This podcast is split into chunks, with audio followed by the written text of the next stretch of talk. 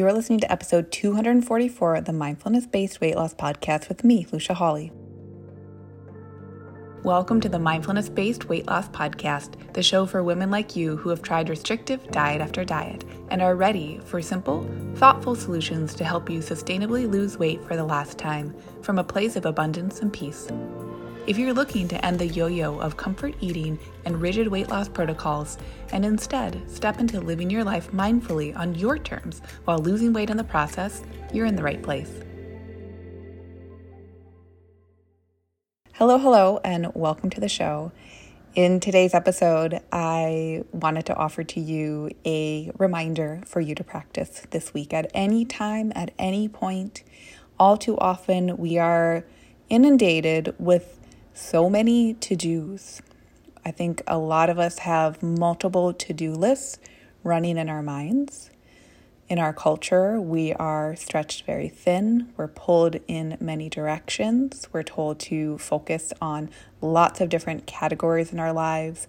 We're expected to, especially as women, we're expected to be working on perfecting ourselves, making ourselves better in different categories, being more, whether we're liberating ourselves perfectly or we're being good perfectly, whatever encompasses that definition of good on an individual level. And there's a lot that we balance, let alone uh, feeling like we're thinking about ourselves too much or judging how much time we spend on ourselves versus we spend on other people. And my goodness, the spiral doesn't stop. So, on today's episode, I wanted to, and again, I say offer, I say offer quite a bit on the show because none of this stuff is. There's not one thing here that is necessary for a life well lived. They are all different tools they are all different ideas, um, different ways to dip into curiosity, different ways to dip into turning towards the goodness of life. And one of the ways that we can turn towards the goodness in any situation at any time is to remember that there's nothing you have to fix. Yes, even the stuff that people are saying you do need to in the present moment, there's nothing you need to fix including your thoughts. And I share that here because a lot of people who listen to this show really want to experience life on another level and want to, like I said a few minutes ago, liberate themselves from different things, different ways of thinking, from they want to shake off thoughts that other people have put onto them that maybe you've picked up and have held onto for a long time. Regardless of where you're at in your relationship to yourself, your relationship to your food, your plates, other people's plates, your body, the scale weight, uh, protein, dietary fat, no carb, low carb. Like we're in relationship to each and everything.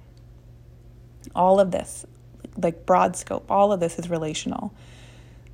The way to allow yourself an opportunity to shake off thoughts that feel burdensome is to remember that there's nothing to fix. And simply your awareness of a thought, like that, that is the goodness.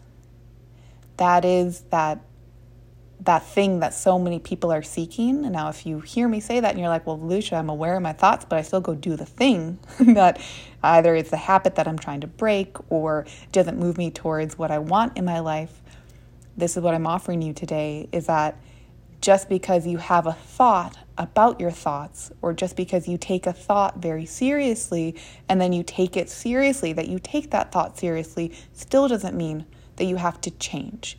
It still doesn't mean that there isn't change actually housed within your recognition of your ability to think thoughts. That in and of itself, and this gets meta, okay? So I tried to explain it in different ways on different episodes. Simply cultivating awareness, that is the power move, my friend. It might not feel extremely tangible, but that's okay. These shifts, for the most part, aren't tangible. They simply take dropping into that awareness. And I think that makes some people really uncomfortable. Or they get like itchy about it. They're like, yeah, but what do I do when I'm aware? I just want to offer to you that asking, what should I do? While we can honor that, usually the most common sense, practical things that will support us, they're not going to come from our brains thinking, oh my God, I've got to do something about this. That's the brain reinforcing that there's a problem to solve. So just notice this week. This is not, I've done a lot of tangible episodes recently. This is an intangibles episode. Just notice this week when my brain is in problem, fix it, solution mode, can I love it for defaulting to those types of thoughts? Can I honor and simply recognize when it has decided that moving towards fixing and problem solving and being solution focused, can I honor that those are also just thoughts? They might seem very close. I might feel very velcroed to them. They might feel like they are reality and the truth and that goodness is just on the other side of those thoughts, my offer to you this week is that the goodness is here right now, regardless of problems being solved, solutions being found, and fixing happening. Those are all thoughts as well. And when we love them for that, to me, that's when we turn towards the goodness. So, thank you so much for being here on today's episode, and I will catch you and see you next week. Bye. Hey, if you love today's show, I'd love for you to take a minute and give a rating with a review. If you too are ready for more women to make life choices from loving mindfulness, that means we need more women listening to this message so they know it's available to them and they can do it too. And if you're ready yourself, come join Lean and Liberated, where we'll work together and you'll learn how to take this process to the next level in your weight loss goals, life desires, and beyond. Go to luciahawley.com, that's L U C I A H A W L E Y.com to connect.